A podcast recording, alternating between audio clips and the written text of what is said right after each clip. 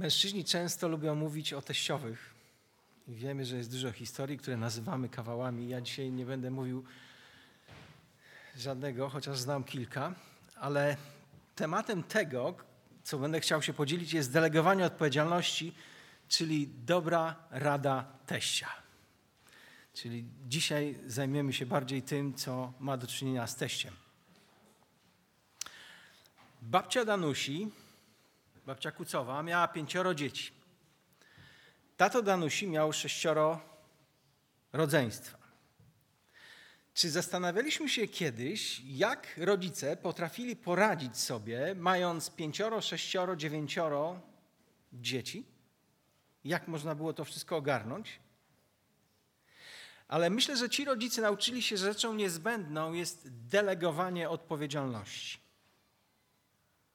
I gdy tego się nauczyli, rodziny funkcjonowały w bardzo dobry, zorganizowany sposób. Wyobraźmy sobie takiego czterolatka, który przybiega do swojej mamy i mówi: Mamo, bucik mi się rozwiązał. I co mama robi? Zawiązuje bucik. Upłynęło pół godziny i znowu się pojawia ten malec i mówi: Mamusiu, drugi bucik mi się rozwiązał. I co robi mama? Odrywa się od swoich obowiązków. Załóżmy, że ma czwórkę albo pięcioro dzieci i znowu zawiązuje ten bucik. Ale pewnym momencie mama mogłaby zrobić coś innego. Gdy kolejny raz przyjdzie chłopaczek, ten czterolatek, z prośbą o to, żeby zawiązała mu buty, to może poświęcić więcej czasu i nauczyć go wiązania butów. To zajmie jej więcej czasu w tym momencie, ale w takiej dłuższej perspektywie daje jej dużo więcej wolnego czasu, prawda? To delegowanie odpowiedzialności za sznurowanie butów w wypadku czterolatka. Można zrobić to jeszcze inaczej. Gdy jest duża rodzina, gdy ten malec znowu przybiegnie do mamy i powie, mamusiu, rozwiązał mi się but, to mama może powiedzieć, to chcę, żebyś poszedł do Ani, ona już ma 6 lat i ona nauczy ciebie sznurowania butów. To jest delegowanie odpowiedzialności na wyższym poziomie. To jeden z powodów, dla których uważano, że duże rodziny były błogosławieństwem, bo dzieci mogły wykonywać wiele rzeczy, które odciążały rodziców, a ich uczyły odpowiedzialności i współpracy w takiej grupie, jaką jest rodzina. I bardzo często prowadzący pastor jakiejś wspólnoty, załóżmy, że ma 50, 100 osób, musi wykonywać bardzo wiele czynności. Musi na przykład niekiedy otwierać drzwi kaplicy, niekiedy musi włączyć system ogrzewania, tak? Byłoby dobrze, żeby jeszcze napisał jakiś biuletyn zborowy, prawda? E, dobrze byłoby, gdyby odwiedzał chorych. Dobrze by było, gdy jak są starsze osoby, żeby przywiózł te osoby na to, żeby, po to, żeby mogły być na nabożeństwie. A w ogóle jak jest wieczerza i część starszych osób nie mogła się pojawić e, na nabożeństwie, to byłoby najlepiej, jakby jeszcze pojechał i odwiedził te osoby i zawiózł im wieczerzę, prawda? Byłoby dobrze, jakby powiedział przynajmniej 52 kazania w ciągu roku, ale są także sytuacje, w których są śluby i pogrzeby, więc tutaj też powinien mówić. Byłoby dobrze, jakby prowadził parę grup domowych, prawda?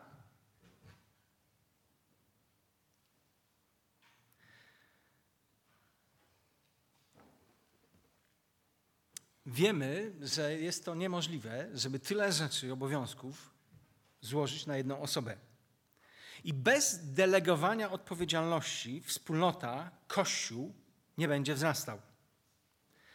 E, niektórzy z nas pracują na stanowiskach kierowniczych i często, myślę, się przyłapaliśmy na tym, że na początku wszystko próbowaliśmy robić sami, a często dalej sami robimy. Chociaż mamy kierownicze stanowisko, to większość rzeczy jakby próbujemy ogarniać sami. Jeżeli mam taką postawę, to ten dział, za który jestem odpowiedzialny, czy mój biznes, który prowadzę, który zaangażuje większą ilość ludzi, nie będzie się rozwijał. Ja będę dla niego przeszkodą. Jak to się skończy? Wypaleniem. W końcu będę totalnie wypalony, sfrustrowany, znerwicowany. I gdy jest niekontrolowana ilość pracy i zadań, jakie płyną do kompetentnej osoby, to następuje ostatecznie zatopienie tej osoby, chociaż jest bardzo twórcza, bardzo kompetentna i bardzo odpowiedzialna, to gdy zbyt wiele tych zadań złożysz na jedną osobę, to ją zatopisz. I dzisiaj mów, będę mówił na podstawie Bożego Słowa o delegowaniu odpowiedzialności, tak, ażeby osoby podejmowały zadania w sposób odpowiedzialny. Do takiego postępowania, jeśli chodzi o odpowiedzialność, jest zachęcanie bardzo często w Piśmie Świętym. Dzieje apostolskie, siódmy rozdział. Wiemy, jaki jest problem. Są starsze kobiety, wdowy, które mają problem, nie było systemu ubezpieczenia i był problem, żeby po prostu zajmować się potrzebami tych kobiet. I jaki był pierwszy pomysł, być może tych wszystkich ludzi, żeby się zajęli tym apostołowie. Nie zrobiono tego w ten sposób. Wybrali siedmiu, siedem osób, siedmiu diakonów i im powierzyli to zadanie, które polegało nad opieką, na okazywaniu opieki tym, tym wdowom. Efezjan, czwarty rozdział, mówi tak, że Bóg wyznaczył niektórych, by byli przywódcami we wspólnocie, tak aby przygotowali świętych do dzieła, czyli ludzi, do dzieła posługiwania i budowania wspólnoty. Pierwszy Tymoteusza, trzeci rozdział mówi tak, że starszy ma dobrze zarządzać własnym domem i dzieci trzymać w posłuszeństwie, bo bez tego nie będzie mógł mieć na pieczy Kościoła Bożego. Drugi Tymoteusza 2,2. A to, co słyszałeś ode mnie wobec wielu świadków, przekaż ludziom godnym zaufania, którzy będą zdolni i innych nauczać. To miał robić Tymoteusz. Widzimy tę zasadę delegowania odpowiedzialności? I gdy czytamy 31 rozdział przypowieści, to myślę, że panie mogą być trochę no, zdenerwowane. Ja zacytuję ten fragment. Dzielna kobieta nie tylko dba o wełnę i len, przywozi żywność, wstaje, gdy jeszcze jest noc, daje żywność swojej rodzinie, to daje również swoim służącym to, co się im należy. To niezła kobieta, prawda? Taka kobieta pracująca. Ale jest pewien problem z tym, jak interpretujemy ten tekst. Tak naprawdę w języku hebrajskim to słowo daje im, co się należy, tak naprawdę nie oznacza dawania jedzenia, żywności, ale dawanie zadań i odpowiedzialności. W tym domu, gdzie w ten z tej struktury społecznej byli służący.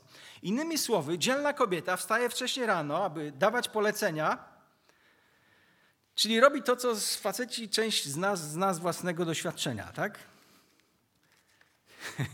część z nas uśmiecha, tylko część, ale mogą się wszyscy śmiać, nie bójcie się. I wiecie, jak to miejsce tłumaczy Biblia warszawsko-praska? Myślę, że właściwie. Wstaje, gdy jeszcze jest ciemno, by wszystkim w domu jeść podać, a służącym pracę wyznaczyć. Znowu jest pokazana ta zasada delegowania odpowiedzialności. I Biblia bez przerwy zachęca, byśmy uczyli się dzielić odpowiedzialność z innymi, a żeby inni ludzie również byli odpowiedzialni. I tego musiał się nauczyć również jeden z największych przywódców, o jakim mówi nam Pismo Święte, czyli Mojżesz. Wyprowadził, Bóg za pomocą tego człowieka wyprowadził potężny naród Izraela z Egiptu. Dwa miliony ludzi, niewolników. Dwa miliony ludzi, którzy byli niewolnikami.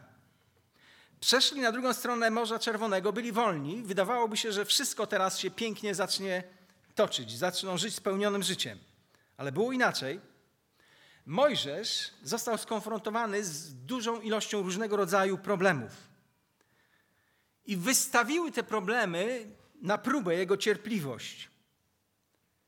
Nie zdając sobie z tego sprawy, stał się zakładnikiem działań administracyjnych dwumilionowego tłumu ludzi. Był zakładnikiem działań administracyjnych i sądowych. Każdego dnia na jego decyzję czekały tysiące ludzi. I wyobraźcie sobie, jak stoją w takiej potężnej kolejce w temperaturze słońca, które świeci nad równikiem.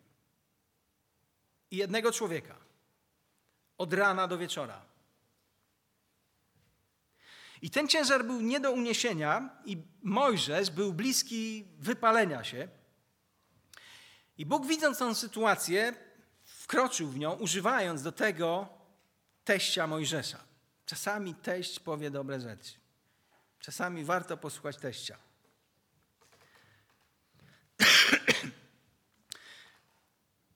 Posłuchajmy opisu tej sytuacji i Bożej rady bo myślę, że to jest również dużą podpowiedzią dla nas. Druga Mojżeszowa, rozdział 18, werset 13. Cytuję. Nazajutrz zasiadł Mojżesz, aby sądzić lud. Lud zaś stał przed Mojżeszem od rana do wieczora. Mojżesz był bardzo oddanym człowiekiem. Chciał usłużyć dwóm milionom ludzi, dając każdemu z nich, o ile tylko mógł, osobiste rady od świtu do zmierzchu. I nie zapomnij o tym, że ludzie, którzy stali w tej kolejce od 400 lat, ten naród, to byli niewolnicy. Czyli to byli ludzie przyzwyczajeni do tego, żeby tylko wykonywać polecenia i czekali na kolejne polecenia. Mieli mentalność niewolników. Nie byli gotowi do życia w wolności. Dlatego przychodzili, podejrzewam, do Mojżesza z każdą najdrobniejszą sprawą, z każdym najmniejszym problemem. Ktoś powiedział, jeżeli diabeł nie może uczynić z siebie złego człowieka, to zrobi wszystko, aby zrobić z siebie zbyt zajętego człowieka. Mojżesz był tak zajęty, że był na skraju wyczerpania. Czwarta Mojżeszowa 11:11 11 zawiera takie słowa. Mojżesz mówi do Boga: Dlaczego tak źle obszedłeś się ze swoim sługą i dlaczego nie znalazłem łaski w Twoich oczach, żeś włożył na mnie cały ciężar tego ludu? Ten błąd Mojżesza jest powtarzany przez wielu ludzi, wielu z nas, którzy jesteśmy również w jakiejś roli przywódczej. On mylił zapracowanie z osiąganiem celów. To, że jesteś, to, że jestem zapracowany, to wcale nie oznacza, że osiągam właściwe cele.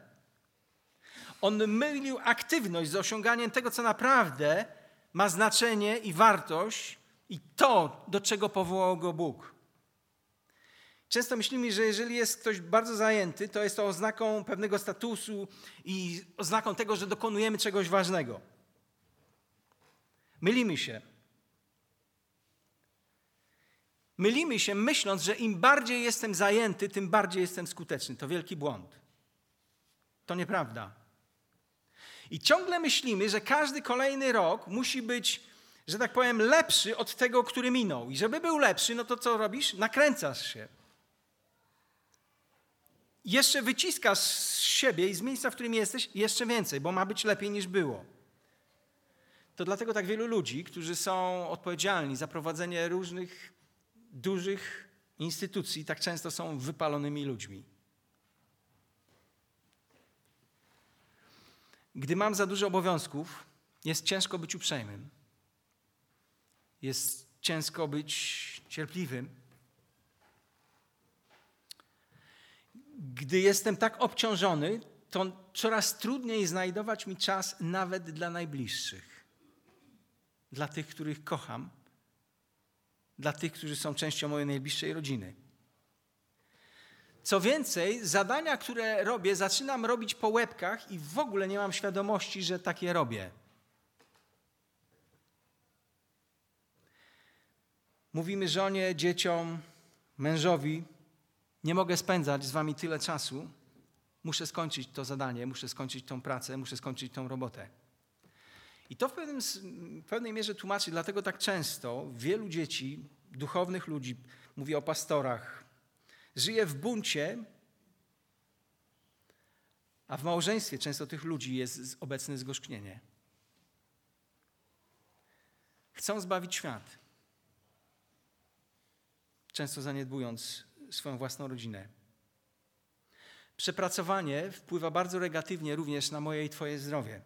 Pojawiają się kłopoty z za wysokim ciśnieniem, wylewami, atakami serca, z bólem głowy. Ktoś powiedział, że życie bez równowagi, bez balansu to jest jak jazda z oponą, która nie jest wyważona. Gdy jeździsz samochodem, w którym masz opony, które nie są wyważone, to nie będziesz długo jeździł na tych oponach. Jest to niemożliwe. Czyli żywot takiej opony i życie takiej osoby jest bardzo krótkie. Przyszedł teść i dał sugestię. Teść Mojżesza. 14 werset, 18 rozdział drugiej Mojżeszowej. A gdy teść Mojżesza zobaczył wszystko, co on czynił dla ludu, rzekł: Czemu ty sam czynisz to dla ludu? Dlaczego ty sam musisz tu siedzieć, a cały lud staje przed tobą od rana do wieczora? Jetro, bo tak się nazywał teść Mojżesza, zadał bardzo ważne dwa pytania. Liderzy powinni często sobie zadawać właśnie te pytania. Po pierwsze, to pytanie dotyczy priorytetów. Mojżeszu, co tak naprawdę robisz? Co jest tak naprawdę powołaniem Twojego życia? Dlaczego spędzasz cały swój czas właśnie w ten sposób? Dlaczego? Co chcesz ostatecznie osiągnąć? Młody człowiek przejął firmę od swojego ojca i ta firma specjalizowała się w tym, że pro, produkowali różnego rodzaju wiertła.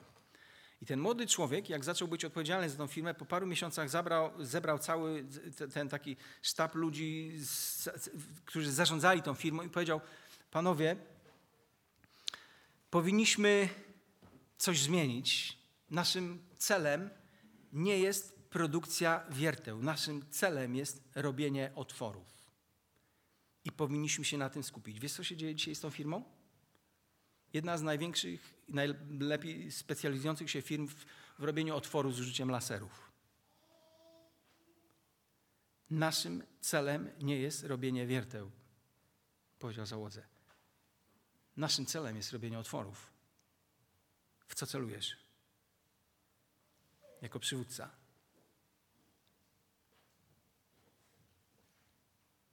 Głównym zadaniem Mojżesza nie było udzielanie rad dwóm milionów, milionom ludzi. Głównym jego celem było doprowadzenie tego narodu do ziemi obiecanej. Do miejsca, w którym chciał mieć ich Bóg. I Jetro pyta, jakie są Twoje priorytety, Mojżeszu? Drugie pytanie, które zadał, dotyczyło personelu. Dlaczego wszystko robisz sam? Jest dużo ludzi kompetentnych wśród tych, którzy stali w tych długich kolejkach. Dlaczego nie weźmiesz część z tych ludzi, aby byli dla ciebie pomocą? I co odpowiada Mojżesz? 15 werset. Ponieważ lud przychodzi do mnie, aby się radzić Boga, gdy mają jakąś sprawę, przychodzą do mnie, a ja jestem rozjemcą między jednym i drugim i oznajmiam przepisy i prawa Boże. Co tak naprawdę mówi Mojżesz? Jeżeli robota ma być dobrze zrobiona, to ja ją muszę zrobić. Jeżeli robota ma być dobrze zrobiona, to ja ją muszę zrobić. Jestem niezastąpiony. To sprytne diabelskie kłamstwo, które podważa skuteczność ludzi, którzy są liderami. Nikt nie jest niezastąpiony, chociaż często trudno jest nam w to uwierzyć. Jeżeli w to nie wierzysz, to zobacz, jak jesteś niezastąpiony, gdy na przykład w lipcu prosisz o urlop. Jak jesteś niezbędny, niezastąpiony. Ale wyobraź sobie, że prosisz tego samego pracodawcę o podwyżkę. Tak samo jesteś niezastąpiony? Nikt nie jest niezastąpiony. I to, co przydarzyło się Mojżeszowi, przydarza się liderom na różnym szczeblu zarządzania. Ludzie próbują robić wszystko, i jeżeli jestem w sytuacji lidera, który nie wyznacza priorytetów, nie deleguje ludzi do tego, to szkodzę nie tylko sobie, ale i ludziom, wśród których jestem. I Mojże, Jetro Mojżeszowi udzielił kilku ważnych rad i powinniśmy je usłyszeć. Werset 17. Niedobra to rzecz, którą czynisz. Męczysz się zarówno ty, jak i ten lud, który jest z tobą, bo sprawa ta jest za trudna dla ciebie, nie podołasz jej sam. Przeto słuchaj teraz głosu mojego, udzielę ci rady. Z pewnością nie chciałbyś usłyszeć takich słów od swojego teścia, tym bardziej teściowej. Ale Mojżesz potrafił słuchać i potrafił się uczyć. Jetro mówi, ty sam stawaj przed Bogiem za lud i ty sam przedkładaj te sprawy Bogu. Czyli masz być reprezentantem tych ludzi przed Bogiem. To jest twoim priorytetem, jest posiadanie właściwej relacji z Panem Bogiem. Ty masz spędzać czas z Bogiem, poznawać Jego wolę. Bycie liderem nie polega na dawaniu rad ludziom, ale na tym, kim jestem przed Bogiem. Wiesz, bo jeżeli nie mam właściwej relacji z Bogiem, to po jakimś czasie ludzie nie będą mieli powodu, ażeby iść za mną czy za tobą jako, liderem. Bo nie będę miał, nie będziesz im miał wiele dodania. To ta relacja z Bogiem sprawia, że jesteśmy skutecznymi Bożymi sługami, których warto naśladować. Jeżeli jesteś bardzo zajętą osobą, kilka pytań dla ciebie. Kiedy ostatnio otworzyłeś Biblię bez żadnego pośpiechu? Tak po prostu, żeby ją sobie poczytać. Niezawodowo. Nie dlatego, że z rana trzeba przeczytać przez 15 minut tekst, ale bez żadnego pośpiechu. Kiedy ostatnio tak otworzyłem Biblię? Kiedy zdarzyło Ci się ostatnio włączyć dobrą muzykę, z taką muzyką pełną uwielbienia, usiadłeś i śpiewałeś dla Pana Boga? Kiedy to ostatnio się wydarzyło?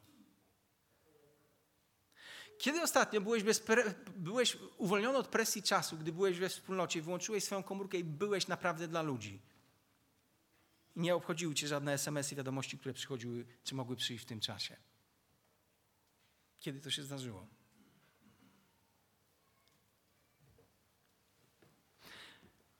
Jezus, który w ciągu trzech lat swojej publicznej służby dokonał więcej niż jakikolwiek inny człowiek żyjący na ziemię, dlatego zostawiał często tłum będąc najbardziej zapracowanym człowiekiem. I był z ojcem.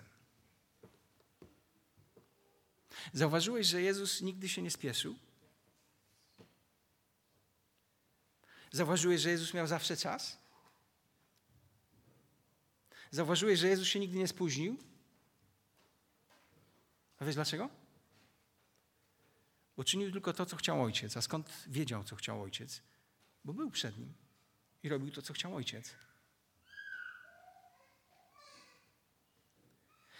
Dwudziesty wiersz Jetro mówi następujące słowa do Mojżesza. Wdraża ich w przepisy i prawa i wskazuj im drogę, po której mają chodzić i czyny, które mają spełniać. Czyli zamiast spędzać i poświęcać cały swój czas na osobistych poradach, miał spędzać swój czas w sposób publiczny, ucząc innych, jak mają doradzać innym. To oznaczało dla tego ludu, że przez pewien czas nie będzie Mojżesza dostępnego w ten sposób, że w każdej chwili można było do niego przyjść, postać co prawda 5, 8, 10 godzin, ale w końcu się z nim spotkać. To oznaczało, że przez pewien czas potrzeby tych ludzi nie były zaspokajane, ale w tym czasie Mojżesz zaczął z przynaglenia Bożego przygotowywać ludzi, którzy mieli przejąć część jego odpowiedzialności. Może ludzie myśleli przez pewien czas, że Mojżeszowi trochę woda sodowa uderzyła do głowy. Że stał się już tak ważny, że nie ma dla nich czasu. Że utracił kontakt z ludźmi, z tym, czy się zmagają. Ale Mojżesz musiał zaakceptować ten krótkotrwały krytycyzm, ażeby osiągnąć ten cel, do którego Pan Bóg go powołał. Również do przygotowania liderów. 21 werset mówi ty, ale ty, chodzi o Mojżesza, upatrz sobie z całego ludu mężów dzielnych, bogobojnych, mężów godnych zaufania, nieprzekupnych. Powiem coś bardzo ważnego odnośnie zarządzania, administrowania. Nie przesadzam. To są wyniki twardych badań. 90% sukcesu w skutecznym delegowaniu nie zależy od odpowiedniego szkolenia. Usłyszałeś? 90% sukcesu w skutecznym delegowaniu nie zależy od odpowiedniego treningu szkolenia. 90% sukcesu w skutecznym delegowaniu zależy od powołania właściwych ludzi. Nie rozbija się o dobre szkolenie rzecz, ale o wybranie właściwych ludzi. Jeśli powołasz, zatrudnisz pewnego człowieka godnego zaufania, z właściwą etyką i podejściem do pracy, z właściwymi talentami, uzdolnieniami i nawet dasz mu minimum przygotowania, to taka osoba będzie skarbem dla Twojej firmy, dla Twojego biznesu. Ale jeśli zatrudnisz niewłaściwą osobę, bardzo kompetentną, bardzo dobrze przygotowaną, ale która nie potrafi mieć właściwych relacji z ludźmi, Osoba, która jest leniwa, nie jest odpowiedzialna, chociaż bardzo przygotowana, niezależnie od tego, jak bardzo jest utalentowaną i profesjonalnie przygotowaną, będzie to problemem dla Twojej firmy, organizacji, w której pracujesz. Jetro mówi Mojżeszowi, jeśli chcesz mieć współpracowników, którzy Cię wspierają, są dla Ciebie wsparciem, musisz współpracować z właściwym rodzajem ludźmi, którzy będą prawymi, i ustanów ich jako przełożonych nad tysiącem, setką, pięćdziesiątką, dziesiątką. To znaczy, że Mojżesz miał ocenić, do czego się nadają poszczególni ludzie. Bo byłby problem, jakby oddelegował odpowiedzialność komuś, kto miał talenty, by być odpowiedzialny za tysiąc ludzi, żeby, prze, żeby zaczął, uczynił ich odpowiedzialnymi za dziesięć osób. To byłby problem. Dlaczego? Byłby bardzo znudzony ten człowiek, który miał potencjał przewodzenia tysiącu ludzi. Czyli musiał w odpowiedni sposób dobrać tych ludzi. Jeżeli powierzysz człowiekowi zadanie, funkcję, do której się nie nadaje, nie jest obdarzony, to niezależnie od tego, ile mu czasu poświęcisz, jak bardzo będziesz mu chciał pomóc, to i tak nic z tego nie będzie.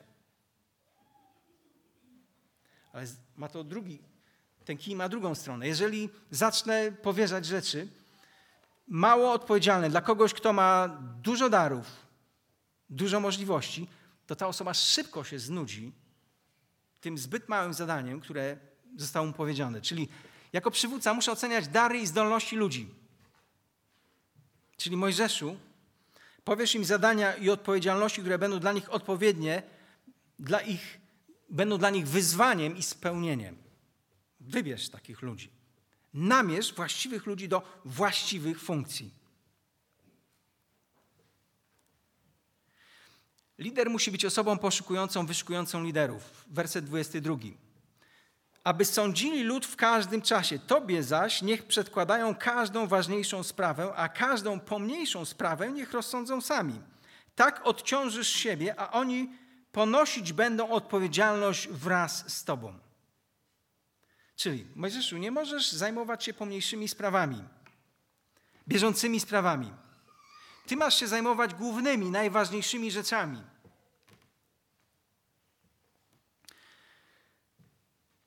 Gdy właściwie się rozwijasz jako przywódca i coraz wyżej, że tak powiem, masz większą odpowiedzialność, to powinieneś mieć coraz więcej czasu.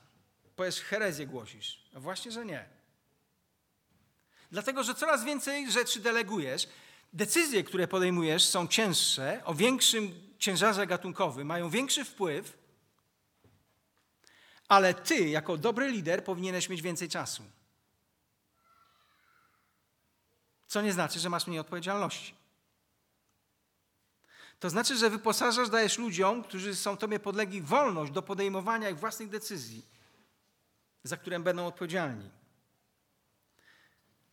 Gdyby ktoś przyszedł do mnie i powiedział: Heniek, jesteś jednym ze starszych, ja chciałbym śpiewać, a załóżmy, że ta osoba w ogóle nie powinna śpiewać, znaczy powinna dla siebie gdzieś tam w cichości, ale to, to zrób coś. Jak ja bym tej osobie powiedział, no pogadaj, i ta osoba powiedziała, no przekonaj tych ludzi, którzy są odpowiedzialni za śpiew, żeby, żeby pozwolić, żebym śpiewał. Jak ja bym podjął taką decyzję, to, to bym zrobił krzywdę tej osoby, prawda? I tej, I tej grupie, która jest odpowiedzialna za śpiew. Bo nie można do zadania, które nie pasuje do danej osoby, gdzieś złożyć na nią takiej odpowiedzialności. Werset 22 mówi tak: Mojżeszu, jeżeli mnie posłuchasz, odniesiesz dwie korzyści. Sam będziesz zdziwiony. Twoje życie będzie łatwiejsze. Cytuję: Tak odciążysz siebie, a oni będą odpowiedzialność nieść wraz z Tobą.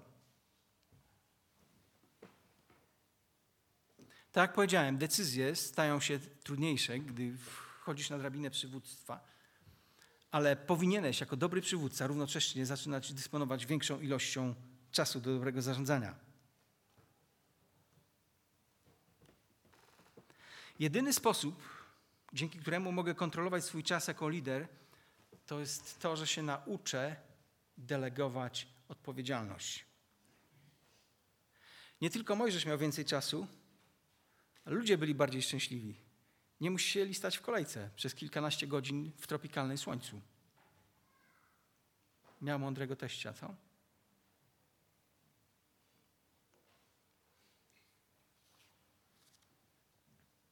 Spróbujmy to odnieść do własnego życia. Efektywny lider zdaje sobie sprawę ze swoich ograniczeń. To ważne. Jeżeli chcesz być dobrym liderem, to musisz zdać sobie sprawę z własnych ograniczeń. To jest szczególnie trudne dla młodych ludzi, którzy jak mają możliwość osiągnięcia celów, rozpoczęcia jakiegoś własnego biznesu, to mówią, mam tyle energii, włożę całego siebie w to zadanie. Tylko wiesz, w czym jest problem? Potem nigdy nie ma takiego czasu, w którym można byłoby zwolnić. Zawsze trzeba więcej i szybciej. A później odkrywasz, że swoim zapracowaniem, swoim brakiem czasu zaczynam ranić tych, którzy są najbliżej. I zanim zdam sobie sprawę ze własnych ograniczeń, to będę już żałował wielu rzeczy i wielu utraconych relacji. Więc jeżeli jesteś młodym człowiekiem, to słuchaj tego, co mówi to Boże Słowo. Podoba mi się takie zdanie. Po pierwsze jest Bóg, a po drugie Ty nim nie jesteś. Usłyszałeś? Po pierwsze jest Bóg, a po drugie Ty nim nie jesteś, ja nim nie jestem. Zanim sobie uświadomisz, że nie jesteś wszechmogący, wszechobecny, wszechwiedzący, nie możesz wszystkiego zrobić, będziesz szkodził sobie i innym. Istnieje niezmierzona ilość potrzeb, jaka jest wśród ludzi. I gdy będę jako lider, gdy będziesz jako lider, jako przywódca, próbował zaspokoić wszystkie z nich, zranisz siebie i zranisz najbliższych. Jeżeli tak próbuję żyć, to wchodzę w rolę Boga, a nikt z nas nie jest. Musisz sobie powiedzieć, tyle mogę zrobić. I nie mogę robić więcej. Czyli pierwsza rzecz. Efektywny lider zadaje sobie, zdaje sobie sprawę ze swoich ograniczeń. Poznałeś swoje ograniczenia? Po drugie, dobry przywódca, dobry lider wyznacza priorytety. My tak, mamy taką już mantrę przepracowaną w świecie chrześcijańskim. Mówimy pierwsze Bóg, po drugie rodzina, po trzecie służba. Ale chcę powiedzieć odnośnie teraz rzeczy dotyczących priorytetów, jakie ma lider. Pierwsze pytanie, jako lider powinien sobie zadać, do robienia czego jestem obdarowany danymi przez Boga mi darami i zdolnościami. W jaki sposób może być to najefektywniej wykorzystane? Do czego jestem obdarowany przez Pana Boga?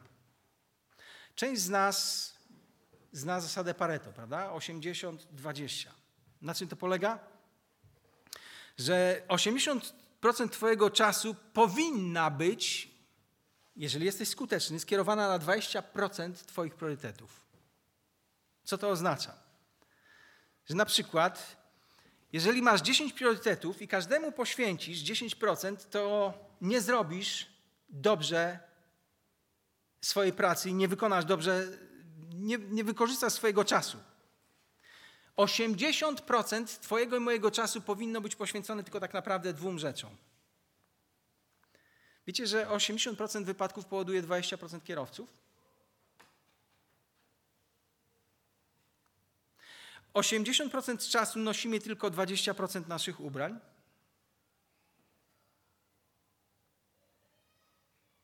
I dobrze wykorzystuję swój czas, jeżeli 80% mojego czasu idzie na realizację dwóch najważniejszych moich priorytetów. Wróćmy do kościoła. Przeprowadzono ankietę wśród kaznodziejów, pytając, co jest ich priorytetem numer jeden. Prawie każdy z tych ankietowanych przywódców kościelnych powiedział studiowanie Słowa Bożego, chodzenie z Bogiem, zwiastowanie Słowa Bożego ludziom. Prawie każdy z nich w anonimowej ankiecie udzielił takiej odpowiedzi. Drugie pytanie brzmiało: Na co poświęcasz najwięcej swojego czasu? Wiecie, co większość odpowiedziała?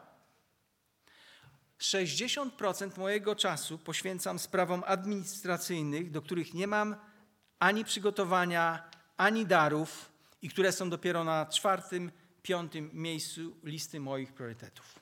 Widzicie problem?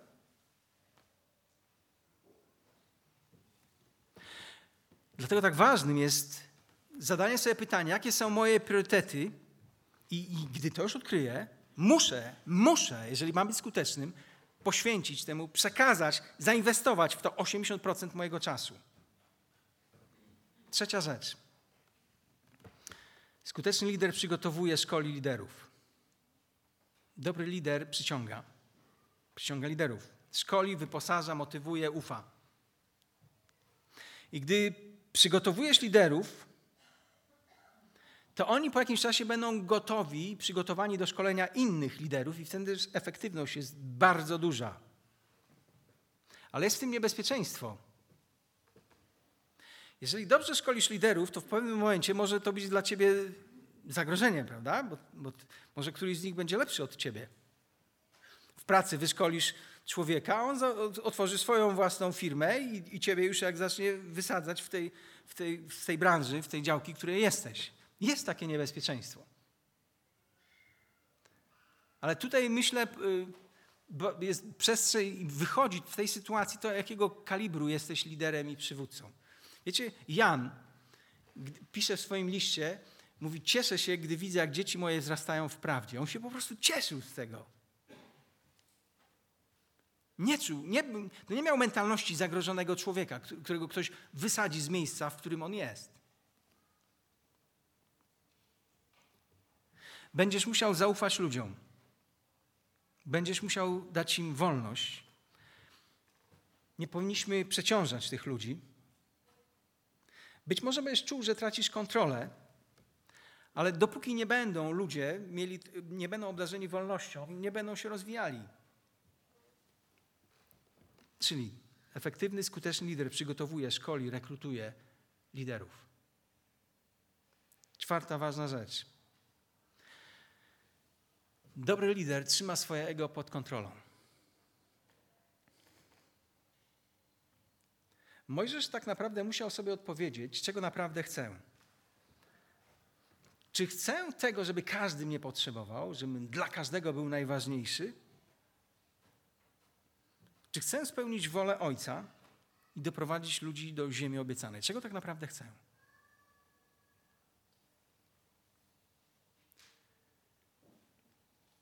Jeżeli matka pozwala, by jej sześcioletnia córka nauczyła czteroletniego braciszka, jak się zawiązuje sznurówki, to czterolatek może się zacząć emocjonalnie coraz bardziej jakby wiązać ze swoją siostrzyczką. Mama już nie będzie wszystkiego umiała, bo siostrzyczka też coś potrafi, może nawet lepiej niż mama. Ale mama musi zadać sobie pytanie i znaleźć odpowiedź, czy chce delegować tą odpowiedzialność, czy chce ciągle być tą osobą taką niezbędną dla tego czterolatka, w życiu którego wszystko zależy od jej mamy. Jako przywódca muszę zdać sobie, zadać sobie pytanie, czy chcę, by ludzie byli zależni ode mnie? Czy chcę, ażeby mój egoizm był łechtany? Czy też chcę doprowadzać ludzi do zależności od Jezusa? Czy od siebie?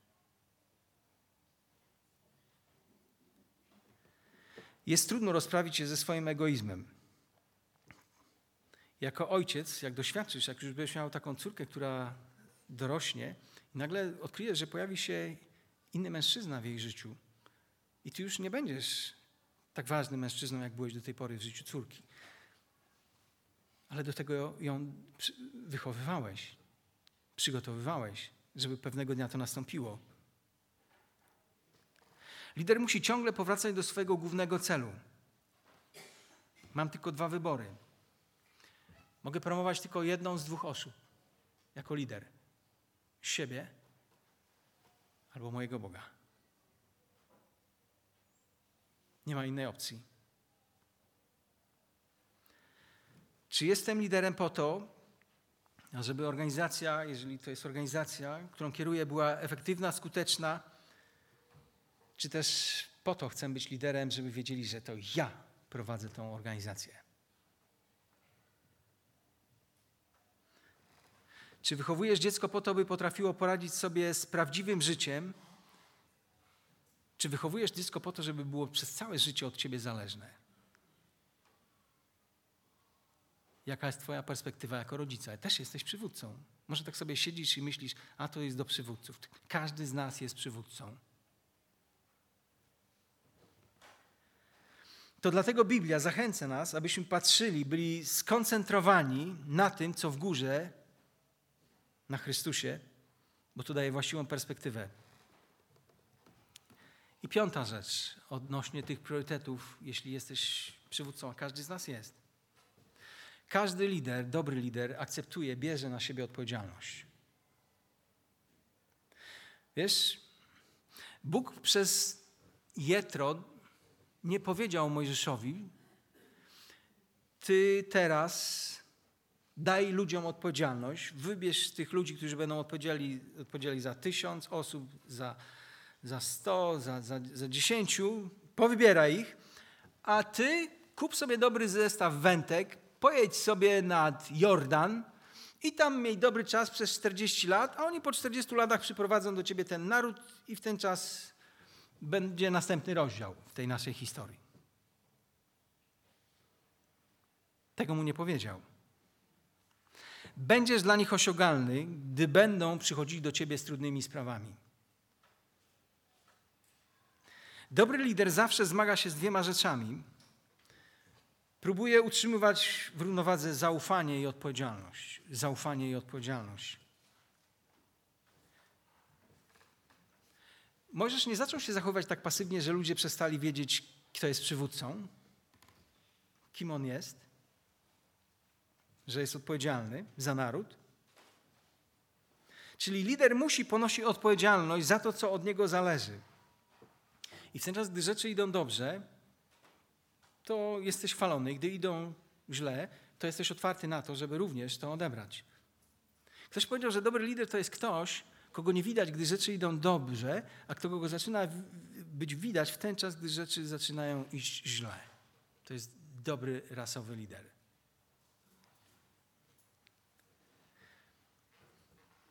Wiemy, że już dzieci nie pamiętają, ale takie najmłodsze, ale ja sam pamiętam, że nieraz byłem na wsi i patrzyłem często, jak ludzie doili krowy. Ja też nieraz próbowałem wydoić krowę. To nie jest takie proste, jak się wydaje, ale jest, wyobraź sobie, że masz 10 krów. I wiesz, co jest w tym najtrudniejsze? Najlepiej jak wydoisz te krowy, nigdy nie będzie czasu, gdy nie będziesz musiał znowu ich doić. Nigdy nie możesz wydoić tak krowy, żeby nie było trzeba jej znowu doić. I to samo dotyczy przywództwa. Nigdy nie będzie w sytuacji człowiek, wspólnota, gdy nie będzie już potrzebowała prowadzenia. Nawet najzdolniejsi przywódcy, najlepsi przywódcy potrzebują od czasu do czasu rozliczenia, zachęty, wyzwania. Jezus wybrał dwunastu ludzi. Przygotował ich, zmotywował, wysłał do służby. Powiedział: Chcę, żebyście zanieśli Ewangelię całemu światu. I wtedy ich opuścił. W fizyczny sposób. Ale był z nimi cały czas obecny. Ja jestem z wami aż do skończenia świata. A teraz my tutaj sobie siedzimy ponad 2000 lat później i uczymy się z Bożego Słowa, dlatego że Jezus delegował im odpowiedzialność i ostatecznie robi to wobec Ciebie i wobec mnie. Podsumowując, mówiliśmy o delegowaniu odpowiedzialności, czyli o dobrej radzie teścia. Dwa bardzo ważne pytania. Co jest najważniejszym powołaniem Twojego życia? Dla dlaczego, dlaczego większość rzeczy robisz sam? Co robi skuteczny lider? Dwie rzeczy. Zdaje sobie sprawę z własnych ograniczeń. Druga rzecz. Wyznacza priorytety. Pięć ważnych zadań, pytań lidera odnośnie priorytetów. Do robienia czego jestem obdarowany darami danymi mi przez Boga. Druga rzecz. Na co poświęcam najwięcej swojego czasu? Na co poświęcam najwięcej swojego czasu?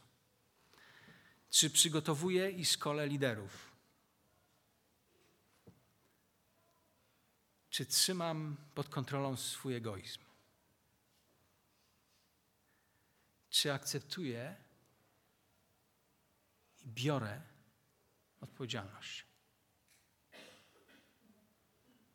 Tak jak powiedziałem, każdy z nas jest przywódcą.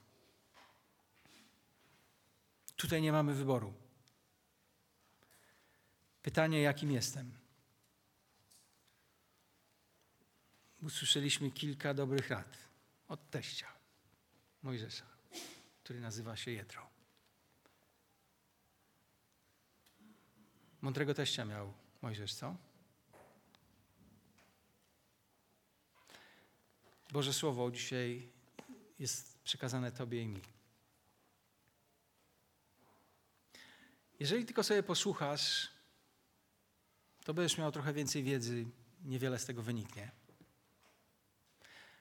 Diabeł się nie przejmuje Twoją moją wiedzą. Ale diabeł zaczyna mieć kłopoty, gdy moją wiedzę zaczynam wprowadzać w swoje życie. I życzę każdemu z nas, byśmy zaczęli to robić. Niech Pan Bóg nas błogosławi. Nie zapominaj, jesteś przywódcą. Bóg przez swoje słowo mówi ci, w jaki sposób możesz być dobrym przywódcą. Amen.